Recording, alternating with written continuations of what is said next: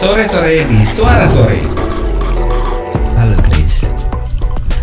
lu tuh kayak penelpon-penelpon malam yang suka dulu lu tau gak yang zaman-zaman dulu ngiklan halo bang Itu ya. telepon Siapa aku sih dong namanya? bang Ayo Ini quiz Bang, ya, quiz berhadiah malam-malam gitu ya. malam-malam ya sekarang udah gak ada ya kayak gitu ya Udah nggak ada. Udah orang udah pindah ke Bigo Live Pak. cabut bayar lagi lo TikTok live ya nggak ada TikTok live ya kalau gitu ya Tapi emang ini eh, suara gue berat gini karena emang kita siaran malam nih hari ini. Eh, nggak sore malam. sore. suara malam Gila, Chris. gila nih Kebetulan kebetulan Chris sibuk banget jadi kita salah kebalik siaran. kebalik kebalik gue nggak sibuk Laga yang sibuk banget gila sih sampai muncul di TV loh yang orang gokil Aduh. kelihatan banget lagi lemesnya kelihatan banget Capek gue gila. oke apalagi kita ya? up dulu kali ya Kecap dulu lah kita. sahabat sore kita akan Uh, week berapa ini Pak? Sebentar, aduh. Week berapa? Dua dua dua hmm, dua dua apa dua tiga ya? dua kalau nggak salah bukan kita kan week 19, 20, 21, 22 Dua dua bener ya? Ya week 22 nah, yang hari, di, di week 22 ini masih ya Eh, highlightnya adalah eh, COVID-19 Hmm. masih rame banget dan entah kenapa Mm-mm. semakin banyak jumlahnya semakin nyantai orang Indonesia Iya benar tuh kemarin eh, minggu kemarin viral ya waktu eh, dua orang wah panik semua borong. Oh iya, waktu dua Panic orang buying, panik kan? buying gitu kan orang beli-beli hand sanitizer, orang beli masker, nimbun-nimbun segala macam gitu ya. Wah. Seribu orang, wah PSBB, Hmm, ya. PSBB, Dua ribu orang ke mall lagi, shopping lagi ke pasar. Aneh. Tapi sebenarnya gue gue sendiri gue gue orang yang nyempetin nih sebenarnya kalau hari Sabtu Minggu gitu ya kalau gue ada kegiatan sama sekali ya gue sama istri gue sebenarnya keluar ga keluar naik mobil gitu tapi Oke, di dalam mobil aja gitu loh. Dan kalau misalnya kita emang ada kebutuhan beli makanan atau beli ya kalau kita keluar pokoknya sebatas beli makanan atau kebutuhan sehari-hari gitu ya. Kalau misalnya kita memang di supermarket misalnya atau di eh, apa namanya tempat tukang sayur gitu ya ngeliat rame itu nggak akan kita datengin gitu sih sebenarnya kita yang mencari yang sepi gitu loh jadi nggak nggak nggak mau nggak mau ada keramaian sih kayak gitu tapi lo dapet tempat yang sepi itu lo dapet. Dapat, dapat, pasti dapat. Pak. Ada apalagi kalau kita ke arah gue kadang-kadang jalan-jalan ke arah tengah Jakarta ya. Dan malah di tengah-tengah Jakarta malah sepi banget dibanding di daerah-daerah residensial kayak di Depok gitu kan. Itu tuh di daerah-daerah resi- residensial apalagi waktu apa namanya bulan Ramadan kemarin. Oh iya lupa coy. Oh Kita harus iya lupa, Sahabat sore kasih tahu dulu. Mohon maaf lahir dan batin. batin. Selamat Hari Raya Idul Fitri 1441 Hijriah. Yes, maaf maaf kalau salah lagi, salah salah kata lah kalau Salah di- kata. Iya. Kalau kita nyinyir-nyinyir ya. kita nggak nyinyir kok. Enggak, kita kan membicarakan fakta. Yes. Oke, eh, kita coba eh, apa Kecap namanya? dulu nih, Kecap udah dulu berapa ya. nih total kasus COVID? COVID-19 di Indonesia, wah melonjak cukup tajam ya, 22.750. Mm-mm. Terus ada yang meninggal dunia itu 1.300an, yang sembuh 5.000 ya.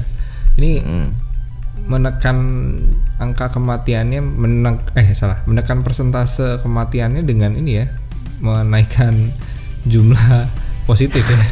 Iya iya iya iya benar benar. Oh lucu juga ya. Mak- makanya kemarin itu ada satu hari langsung kedetek berapa kasus baru Chris? Seribu coy. Satu hari rekor ya. Satu hari rekor seribu. Berarti itu untuk menekan death rate-nya dong. Nggak nggak nggak. Tapi nggak bisa gitu juga ya. Maksud gua ya. Iya. Tapi memang gimana ya? eh nambahnya ini dan kita juga nggak bakal tahu nih nanti enam hari atau seminggu ke depan bakal seperti apa karena kan yang kita tahu minggu lalu orang-orang apalagi Hamin satu Idul Fitri, Hamin dua Idul Fitri udah mulai menjalar ke pasar dan segala macam. Kan kita harus tinggal menunggu seminggu lagi kan apakah akan banyak yang positif atau enggak gitu kan. Nah, itu yang yang agak serem juga sih uh, uh, kenapa sih yang gue sempet ngeliat yang di mall apa namanya pintu belum dibuka udah ngantri dan gue nggak tahu kebanyakan ibu-ibu ya kebanyakan ibu-ibu yang yang jalan-jalan ke apa yang yang sampai uh, ke mall dan segala macam tapi gue nggak tahu ya itu gue cuma ngeliat sekilasnya ya. Mungkin bapak-bapak di belakangnya gitu ya. Tapi kalau gue lihat kebanyakan bapak-bapak itu menjauh sebenarnya dari situ. Mereka kayak lebih lebih sadar kalau dari logika gue kayaknya mendingan gue menjauh aja nih gitu. Gue lihat videonya itu kayak video Black Friday di Amerika Oh, nggak sih? persis. Iya nggak sih? persis Iya kan? persis. Kan sih gue bilang ini ada Black Friday ya di Indonesia diskon besar-besaran atau gimana gitu Iya, maksud gue gini, kadang gue berpikir gini, Chris. Oke, kalau lo beli bahan makanan gitu, apalagi mungkin untuk lo hari raya gitu, lo pengen beli sesuatu yang spesial dan beberapa bahan makanan eh, yang kita sajikan di, di di hari raya Idul Fitri itu kan mm, biasanya nggak kita nggak stok gitu kan ya, ya sehingga kita harus belanja gitu. Nah, ya cuma ini awalnya gue berpikir gitu sebelum lihat videonya, sebelum lihat beritanya. Ternyata yang rame ini tempat perbelanjaan pakaian kayak Betul, gitu-gitu. betul, Maksud gue betul. gini, toh lo kan nggak nggak gini, Nggak keluar lo merayakan merayakan Idul Fitri yang sekarang ini berbeda nggak kayak yang dulu lo main ke setiap eh, rumah saudara lo atau tetangga lo atau kerabat lo gitu kan ya Hmm. dengan dengan memakai sesuatu yang bagus, pakaiannya bagus gitu kan mungkin ya. Mm, Nah itu aja sih yang sempat bingung juga sih. mm. Nah memang ya balik lagi ini bahaya juga sempat kejadian juga kan kemarin Hmm. di eh, di pusat perbelanjaan di Medan ya kasirnya Hmm. positif Hmm. gitu kan ya. Nah itu kan akhirnya ya bikin PR juga tuh. Hmm. Gimana tuh yang para pengunjungnya kan ya kan. Betul, betul, betul, betul. Nah itu apa ya? gue tuh kayak Sampai speechless ya. gue sampai speechless sebenarnya kayak ya ya sudahlah ya gue juga tapi gue tidak pernah sebenarnya gue sempet ya maksudnya kayak di IG story gue juga sempat eh, ngasih tahu bukan ngasih tahu kayak gue dalam tanda kutip nyinyir gitu ya Eh, ada orang yang ngepost gitu kan Iya. katanya PSBB tapi dia ngepost foto di mobil eh, moto di luar gitu kan. Iya, lo sendiri bilang nggak PSBB gitu ya. lu sendiri ngapain bor? Lu lu sendiri ngapain di luar gitu. Maksud gue gue bukan bukan melarang mereka untuk keluar. Enggak gue nggak melarang mereka dia keluar. Dia keluar bebas sebenarnya. Bebas lu mau keluar dan segala macam. Lu punya keperluan masing-masing terserah segala macam. Tapi ikutilah prosedur kesehatan yang ada gitu gitu loh. Maksudnya ya lu pakai masker lu jauh dari apa namanya Keramaian. keramaian dan segala macam. Kan ada tuh yang kemarin juga apa eh, udah eh, ada yang videonya viral bapak siapa? Gue lupa tuh yang yang di mana gue lupa di mana tuh. Yang dia marah-marah nggak mau pakai masker terus bukain bukain blokade jalan gitu katanya ini Ramadan Ya. Ramadan waktunya hari kebebasan gitu. Kebebasan. Dia akhirnya minta maaf juga sih dia. Iya, orang Indonesia biasalah kayak gitu. Abis buat owner minta maaf gitu. ya eh, apa namanya Eh, dari sisi lain kita lihat memang si bapak ini ternyata sebelumnya sudah sering kontroversial Iya, terkait aparat juga beberapa Betul. video muncul juga ya Iya, dan dan iya. eh, dengar-dengar juga nih Chris kita nggak tahu ya benar apa enggak ya ya kita kasih informasi agar teman-teman mungkin para sahabat sore bisa melihat dari gue sisi lanjut dulu, lain lanjut dulu, lanjut dulu. oh iya iya iya, sorry sorry, sorry. Belum. Nah, Belum selesai tadi, eh, Belum selesai. belum statistiknya. selesai. Belum. Oke, Jadi gue oke. tuh gue tuh tidak tidak me- menyalahkan mereka keluar gitu. Nggak apa-apa lu keluar segala macam gitu. Tapi lu nggak usah nggak usah nyinyir seperti itu gitu loh. Lu nggak usah ngomong kayak gitu ya. Orang punya orang punya punya eh, apa kepentingan masing-masing lah gitu loh. Nggak usah. siapa tahu orang yang keluar yang lo foto itu juga sama dengan yang lo lakukan Dan Oh, ada yang komen dari eh, nyinyiran gue itu. Dan Ah. ternyata dia seorang dokter. apa tuh katanya dia Iya dia seorang dokter dia komen di tempat gua. Iya maksudnya iya kayak kalau kayak gua seorang dokter gimana segala macam. Iya, siapa tahu yang lo foto itu dokter yang mau bertugas Nah di rumah sakit rujukan. akhirnya gue bilang kayak gitu. Iya bener maksud gue tuh kayak gitu. Kalau sebelah gua orang suster atau apa atau memang dia nggak lagi pengen beli beras lah berasnya habis segala Iya. macam. Tapi kalau yang itu nggak masalah tapi kalau yang beli baju yang gue masalah sih Iya sebenarnya sih, I- iya iya, iya iya benar benar benar. ya itu kan sebenarnya nggak nggak ini dan sampai ada berita yang viral yang kemarin gue share ke lu Mm-mm. ini nggak tahu bener atau enggak eh, tapi ya ini sih dari portal berita yang cukup terpercaya gitu ya Terpercaya. Eh, yang ada yang memakai di Bogor itu ada eh, yang ketahuan beli baju lebaran pakai dana bansos itu jadi eh, lu mikir apa Aduh. Iya iya iya iya. Kayak iya, gitu iya. ya. Jadi kenapa terbalik semua sih dia? Di mana orang ada yang emang lagi butuh banget bansos, ini pakai duit bansos buat beli baju baju lebaran. Aduh ibu ibu. Gitu maksud gue kayak eh nggak tahu ibu ibu bapak apa nih? Kok gitu banget sih gitu maksud gue pengen mereka mereka uh, mungkin jenuh juga kerja kan gini ya uh, udah terbebani dengan dengan dengan dengan adanya pandemi ini gue memang hibur diri gue dengan punya baju baru lah apalagi nih lebaran lebaran ya gue beli baju baru lebaran tuh gue start uh, everything from fresh gitu loh ya kan baik penampilan ya mungkin gitu sih tapi ya nggak bisa dibenarkan sih tetap menurut Iya. gua gitu ntar lah gitu ada lah momen itu Yes gitu. betul. Ya mungkin itu karena karena memang oh, apa ya beberapa orang menganggap corona itu hal yang apa namanya nggak terlalu gimana banget gitu nggak perlu menakutkan banget gitu ya. Biasa aja kayak flu biasa gitu loh maksudnya. Iya. Bahkan gini ada berita lagi nih. Ini sebenarnya gue berita ini ini coba gue merembet-rembetkan berita-berita ini ya. Dan dan ini nih yang lagi viral juga nih ga Via Valen. Iya Kasusnya kenapa Via. Valen? Lu udah tahu cerita belum belum. Gimana bisa diceritakan nggak? Jadi adiknya itu eh ceritanya jatuh.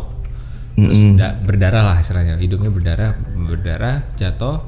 Nah terus akhirnya ke ke rumah sakit lah dia kan. Ke rumah sakit untuk periksa. Tapi gue nggak tahu ini kenapa kok tiba-tiba periksanya itu sampai ke ini ya paru-paru paru-paru juga di scan gitu lah segala macam gitu kan. Mm. eh eh, abis itu oh ini nih ini gue bacain ya. Jadi gejala itu bermula saat kepala adiknya yang bernama Apin itu terbentur ke lantai. Nah terus akibat benturan tersebut adiknya ini mengeluarkan darah dari hidung gitu ya. Eh, terus Oke. ini nggak tahu kenapa tiba-tiba kok langsung foto pneu- pneumonia ya. Nah eh, oh dibawa ke lab. Ya kan karena ta- berdarah lah jatuh kan berdarah dibawalah ke Iya. lab gitu karena takut kenapa-napa ada organ dalam yang kena kan. Pas di scan ternyata paru-parunya ada sesuatu ada gejala pneumonia. Oke. Panik kan satu keluarga kan. Akhirnya ya eh, satu keluarga ini termasuk Via Valen tuh melakukan yang pertama rapid test. Rapid test. Yes jadi rapid test itu akhirnya semuanya itu negatif. Semua anggota keluarga itu negatif tidak, tidak disarankan ini kan swab test lah. Nah entah kenapa si Via Valen ini eh, dia tuh kayak adiknya tuh pernah sesak nafas dan segala macam lah gitu kan. Ya dia pengen swab test aja gitu loh. Dia nanya sama susternya di rumah eh, suster sama petugas rumah sakitnya apa perlukah swab test kalau misalnya rapid test? Dari petugas rumah sakitnya bilang kalau eh, nggak perlu nggak perlu lah karena rapid test itu negatif buat apa? Nanti buang-buang duit dan segala macam lah gitu kan. Adiknya juga nggak mau adiknya juga nggak mau di swab test dan segala macam gitu ya. Tapi tetaplah bersikeras akhirnya di, kar- karena si Via Valen tuh menjanjikan adiknya itu uang jajan lah istilahnya gitu ya. Hmm. Eh, uang jajan udah nanti gue kasih uang jajan tapi lu syaratnya periksa dulu swab test. Akhirnya swab test. Ternyata ya ternyata dari hasil swab test itu positif lah berapa hari? Ya seminggu ya seminggu ya. Kalau swab test itu seminggu ya. iya keluar. hasilnya positif. Gitu. Jadi sebenarnya ya ya akhirnya ya akhirnya rame lah dan segala macem. Pak, waktu si eh, apa namanya dikasih tahunya itu juga si si siapa namanya RT RT atau RT kalau nggak salah ya. Pokoknya di daerah situ RT-nya ditelepon eh, bahwa adiknya ini kena kena kena kena apa namanya? Kena corona lah COVID, istilahnya, ah. covid gitu. Dan, dan akhirnya panik dan segala macam. Ada polisi juga datang ke rumahnya dinas kesehatan juga datang ke rumahnya segala macam. Akhirnya heboh lah satu kompleknya itu heboh lah kayak gitulah. Akhirnya viral gitu. Nah sebenarnya ya si Via Valen juga ngasih ngasih apa ya kayak pelajaran yang bisa diambil. Sebenarnya ya itu kan udah banyak nih yang bilang negatif negatif negatif gitu ya. Itu dari rapid test. Belum tentu Iya, positif gitu loh. Eh belum tentu negatif hasil belum tentu itu. negatif Gitu. karena nggak akurat Nggak kan. terlalu akurat. Ya ya akuratnya berapa persen sih? Gue lupa ya. Eh 70 atau 80 sih? Nggak nyampe ya. Ya segituan lah ya. Nggak sampai, nggak sampai. Terus gituan. Nah itu, nah ini, ya tapi maksud gue juga ah, kalau gue dalam dalam hati kenapa rumah sakitnya juga menganggap ini hal yang remeh gitu loh. Toh, toh si Via Valen juga mau bayar gitu loh. Iya sih. swab test swab test aja gitu. Selama hmm, istilahnya uh, fasilitasnya ada, alatnya ada, iya nggak masalah Kenapa enggak juga sih gitu menurut loh. kenapa enggak gitu kan. Hmm, gitu. Kecuali memang waktu itu ditolak, ya oke lo bisa bayar tapi ma- mohon maaf banget beberapa eh, fasilitas atau alat eh, swab test kita terbatas dan ini sudah kita alokasikan ke ya misalkan ada beberapa yang lebih eh, apa sudah lebih dis apa suspek eh, kena covid gitu kan beda lagi kalau gitu Iya ya. betul. Ya ya ya. agak ini juga sih, agak agak agak ngeri juga apalagi kita mau menghadapi new normal ya. Mm-mm. dengan adanya cerita-cerita kayak gitu jadi ya kok jadi agak mengerikan juga gitu soalnya sampai sampai udah pneumonia gitu hampir pneumonia juga kan ada bercak-bercak Berarti memang iya berarti memang itu ya sudah sudah suspek memang ya. Apa maksudnya gejalanya kan memang itu kan. Mm. Wajar lah kalau dia dia pengen ada swab test. Tapi ngomong-ngomong eh, new normal nih, Hmm, pas buat gue juga pengen ngomong itu iya Gimana, kan? gimana tuh? Eh, PSBB di DKI Jakarta kan infonya berakhir 4 Juni nih. Iya kan? Hmm. Nah, apa namanya? Ternyata Pak Anies Baswedan itu bilang bahwasannya PSBB kali ini jadi penentu masa transisi menuju the new normal karena Yes. sesuai peraturan sampai 4 Juni. Tapi kalau ternyata ada penambahan yang tidak bisa dikontrol gitu ya, malah Diperpanjang meningkat, maka bisa diperpanjang lagi ternyata. Yes betul. Tapi memang benar ini harus jadi penentu karena ya sebenarnya rame-ramenya orang keluar kan minggu lalu ya. Jadi minggu ini memang harus jadi penentu ini. Apakah ada tiba-tiba lonjakan yang nggak tahu gimana gitu. Apalagi Jakarta, Jawa Timur yang paling banyak ya sekarang ya. Iya. Penambahannya. Mm-mm. Nah, emang kita ngomongin the new normal itu new normal itu dinkes itu juga sudah menerbitkan aturan ya jadi kayak pertama kayak hindari menyentuh fasilitas yang dipakai bersama terus bersih bersih saat sampai rumah konsumsi gizi ya pastilah ya terus kontrol Pasti. kesehatan kalau punya penyakit kayak diabetes hipertensi paru ginjal terus dan lain-lain terus habis itu juga hin- ini yang terakhir juga agak bingung juga hindari menggunakan transportasi umum ya gimana ya Susah Agak ya susah buat- juga transportasi Iya. umum ya buat beberapa orang yang pilihan transportasinya dia nggak punya kendaraan pribadi ya mau gimana lagi pasti pakai Iya terbatas gitu ya. transportasi umum ya kan Iya, tapi memang berarti kalau kayak gini pergerakan manusia ke arah Jakarta itu memang harus dibatasi banget ya. Maksudnya ya nggak bisa serta merta sebuah perusahaan juga harus apa tiba-tiba udah bleng buka aja semuanya masuk gitu kan. Nggak bisa Betul. juga gitu kayak betul. Mungkin ada opsi sejenis shift gitu kali ya. Misalkan hari ini gue masuk besok lo yang masuk gitu kan ya. Hmm, hmm, hmm. terus terus terus terus. Ngom- terus ngomongin ini lo tadi bilang Jawa Timur tertinggi ya. Apakah ini eh, mempengaruhi? Karena gue dengar ternyata PSBB di Surabaya Raya itu udah perpanjang dari 26 Mei sampai 8 Juni ya. Apakah terkait ini ya Chris ya sepertinya ya tingginya angka di Jawa Timur itu sendiri ya? Betul banget gitu. Dan memang ternyata memang pergerakan Di- manusia diperpanjang sampai 8 Juni. Hmm. hmm? kenapa? Gitu kan. Kenapa pergerakan manusia? kalau kita fit call kalau kita fit call tuh ada delaynya dikit ya ya itu pergerakan manusia juga banyaknya ke Jawa, Jawa Tengah sama eh, Jawa Timur ya. Memang eh, pergerakan tapi nggak tahu kenapa kenapa Jawa Timur tiba-tiba eh, naik naik signifikan itu agak agak kurang paham juga sih kenapa.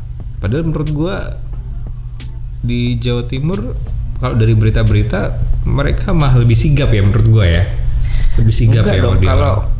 Kalau menurut kalau menurut gua eh, dari sisi mana nih sigapnya karena menurut gua iya kita ambil contoh eh, Surabaya ya Hmm. oke secara aturan dia sigap gitu kan bahkan ketika Surabaya eh, sorry ketika Jakarta eh, melakukan tindakan-tindakan tindakan-tindakan preventif eh, Pemkot Surabaya pun sudah melakukan itu terlebih dulu ternyata gitu kan ya. Hmm. Nah tapi ada beberapa warga juga ini balik lagi nih warganya sendiri yang kita lihat masih beberapa masih sering Ya, uh, ya, ya. Oke tidak lah. social distancing sehingga Ya, ya.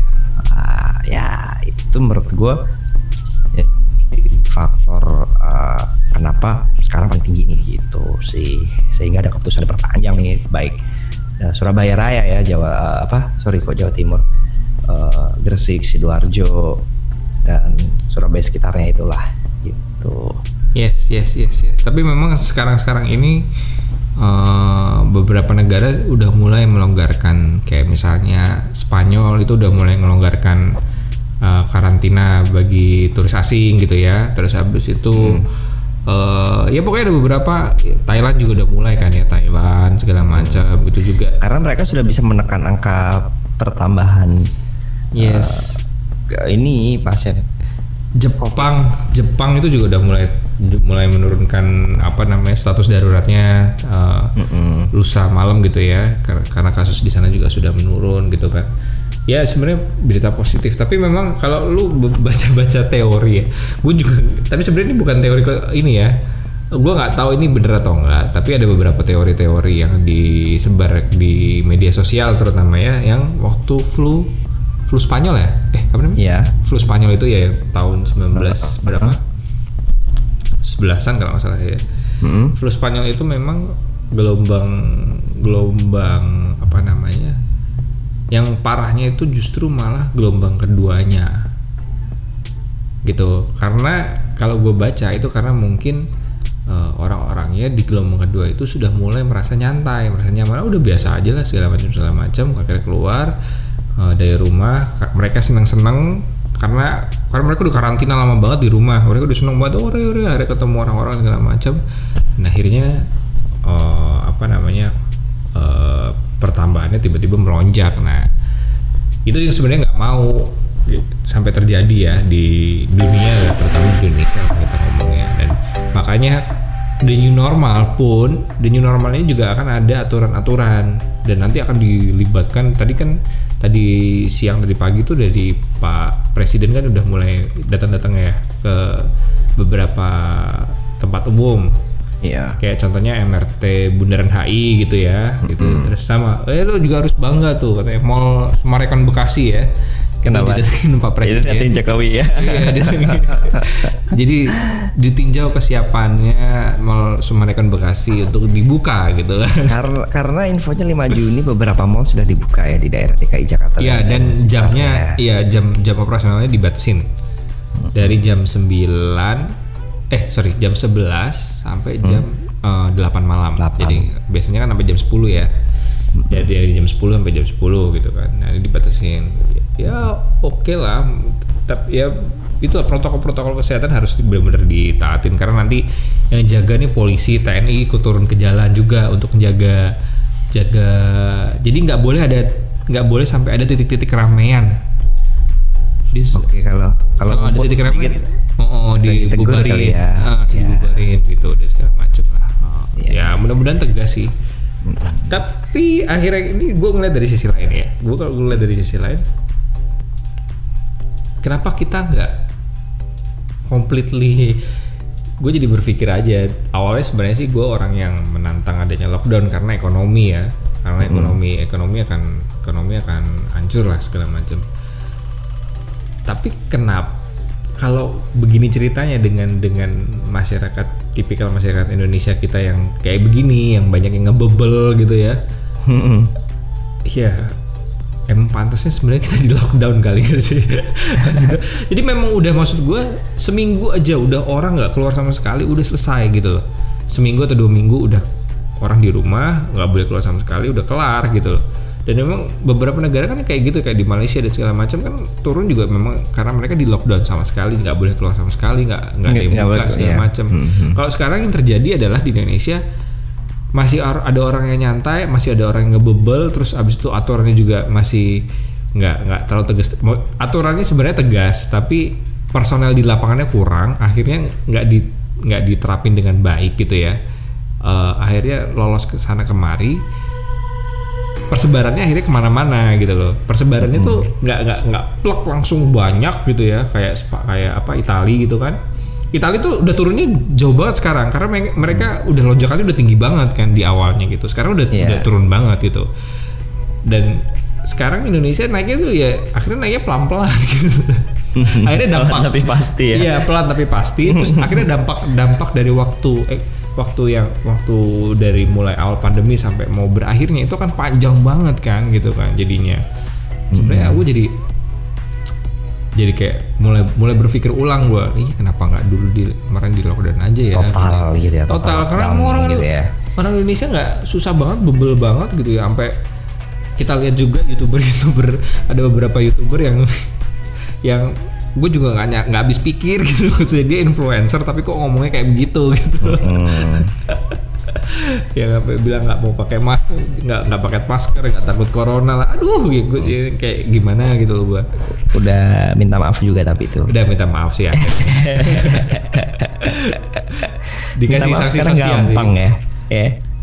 Ya, Oh apa dikasih sanksi sosial? Apa? bukan kasih sanksi sosial. sih maksudnya diajak sama another influencer gitu, untuk membantu dia eh, apa ikut join programnya dia membantu ya oke lah no problem lah. Tapi ya begitulah gitu. Aduh kenapa? Eh, jadi ajang di sini tuh jadi ajang ini buat ada lagi loh yang yang terakhir juga ada tuh yang lelang lelang apa namanya yang lagi viral. Iya, eh Lela. Heeh. Lelang apa? keperawatan ya. lelang keperawatan itu juga dan akhirnya udah lagi-lagi minta maaf lagi. Ya udahlah Indonesia kayak gitulah. Iya menurut gua karena mm, asal jeplak sekarang gampang banget sih. Iya gak sih? Lo dulu mungkin kayak, kayak kayak kita kalau ngobrol biasa gitu ya di, di warung kopi asal jeplak gitu nggak ada yang dengerin ya kita doang yang tahu. Tapi sekarang orang asal jeplak di di di, di media sosial di mana jejak digital itu tidak mungkin bisa dihilangkan kan ya pasti akan ada record lah ya kan kalau kata orang jejak digital itu ya kan Iya, meskipun makanya. let's say kita podcast kayak gini kan terus kita upload ya kan? Terus ternyata kita ada salah kata oke kita take down. Tapi ada orang yang udah capture kata-kata kita ya nggak akan hilang. Menurut gue. nggak akan hilang menurut gue ya, tapi dan ya, bisa di trace gitu. Nah, maka- makanya ya, eh, ya kalau dari kita pokoknya mohon maaf dulu kalau kita ada salah-salah kata. Kita klarifikasi duluan aja dah sekarang deh mumpung masih eh, nuansa lebaran ya. Lebaran. kita mohon maaf dulu deh buat sahabat sore kalau ada salah-salah kata gitu ya. Tapi ini ini ini cuman sekedar apa apa yang kita pikirkan aja sih gitu paling itu sih Iya, kalau eh, oke. gua. Podcast podcast kita hari ini eh, lebih banyak eh, ini ya. Kita mengeluarkan opini ya. ya. Opini-opini kita terkait karena ya sebenarnya tema besar berita yang masih hangat itu nggak jauh dari itu ya kan ya nggak jauh dari covid kan Hmm. betul betul gitu betul dan dan kita juga mau ngasih tahu teman-teman semua sahabat-sahabat sore bahwasannya ini loh menurut gua ini loh menurut kita gitu kan Iya, ya lu lagi butuh rumah nggak Gak, by the way kenapa gitu lo mau ngasih gua rumah enggak ini ini ini berita positifnya dari covid oke harga rumah nih turun Iya benar gue baca tuh sempat sampai eh, 40 persen headline-nya ya nggak nggak ketika. Betul. Jadi harga rumah ini turun eh, 40 persen. Tempatnya di mana? gitu ya? Apa Tempatnya di hubungannya mana? ya, Chris? Di mana? Di Pondok Indah. Oh iya benar benar benar benar. Tapi apa hubungannya ya Chris ya? gue gak tahu juga sih. Jadi memang gue juga nggak tahu sih nih apa karena COVID-19 atau enggak gitu ya. Tapi ini di dari CNBC ini Jadi eh, ada beberapa yang mau jual cepat. Jadi harus kayak bayar jaminan bank dan itu hampir 40%. Jadi harga di market itu dari misalnya 23 miliar tuh drop sampai 16 miliar. Oke, ini kesempatan bagi para milenial-milenial pendengar suara sore, ya kan? Kan kita ada kita tahu nih beberapa survei bahwasannya milenial ini kesulitan untuk mendapatkan hunian, ya kan? Iya nggak sih? Iya, tapi kesulitan berinvestasi properti karena harga properti yang gila-gilaan, ya kan? Nah, ini saatnya nih momen paling tepat ini kita Oh, informasikan ini harga ada- rumah Pondok Indah diskon berapa persen? 40 persen. 40%. Jadi dia ada ada ininya, ada ada apa? Opininya ya. Sep- eh, sepertinya jadi dari salah satu broker lah gitu kan di kawasan Pondok Indah. Jadi sepertinya di Pondok Indah itu kan rata-rata banyak pengusaha. Iya, paham. Nah. Jadinya paham aku. Nah, jadi karena pengusaha itu mungkin eh, efeknya Usahanya juga terdampak kan ya. terdampak, jadi butuh duit dan segala macam dan akhirnya jual rumah gitu deh. Karena kemarin ini sebelum lokasi info ini nih, eh, mungkin eh, sahabat-sahabat sore juga nggak apa hubungannya ya korelasinya. Karena beberapa properti yang harganya turun gitu kayak ru- tanah, rumah itu biasanya yang eh, daerah itu rawan bencana, contoh Hmm. rawan banjir ya kan. Dulu nih eh, perumahan ini waktu dibangun aman nih dari banjir ya kan. Hmm. Harga tinggi gitu kan.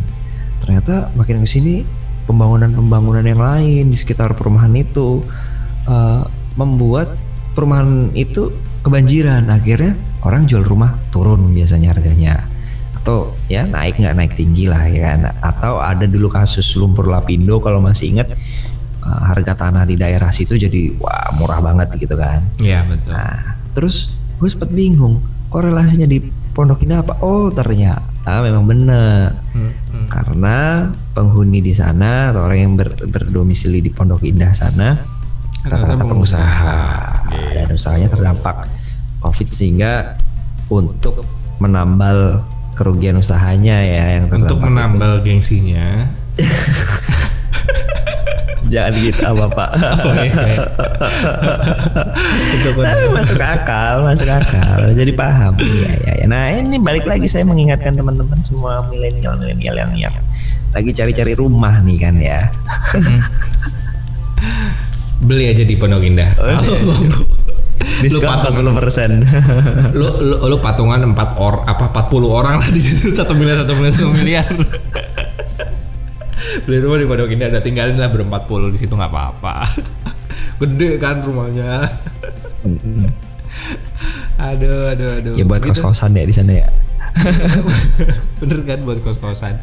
Enggak. Lu beli, lu lu beli, lu caranya kan harganya berapa nih? 26 miliar kan? Mm-mm. Satu orang investasi lah 1 miliar. 26 orang nih, 26 kepala keluarga lah misalnya, 26 kepala keluarga. Nah, lu beli rumahnya, lu bikin klaster, dapat itu 26 rumah. lu tahu tanahnya di, di Pondok Indah segede apa itu? Dibangun mini cluster ya. di klaster dia satu orang eh, berapa? Satu orang sekitar 100 meter persegi juga cukup lah gitu maksudnya. Tapi lu ker di Pondok Indah gitu loh. Rumah lu mana Pondok Indah ya kan. Keren gak sih? Ya kan? Gitu aja lu bikin mini cluster gitu. Lu ot kalau lu otak dagang lu lancar, Iya, otak bisnisnya jalan ya. ya otak bisnis gue jalan, tapi gue nggak punya duit masalahnya gitu aja. Aduh. Itu sih palingan. Lu iya, ada Siap. ini nggak? Gue dari tadi gue mulu. Lu ada nggak isu-isu menarik atau apa yang ter, tersin, tersintas, terlintas? Oh, ada satu lagi Apa?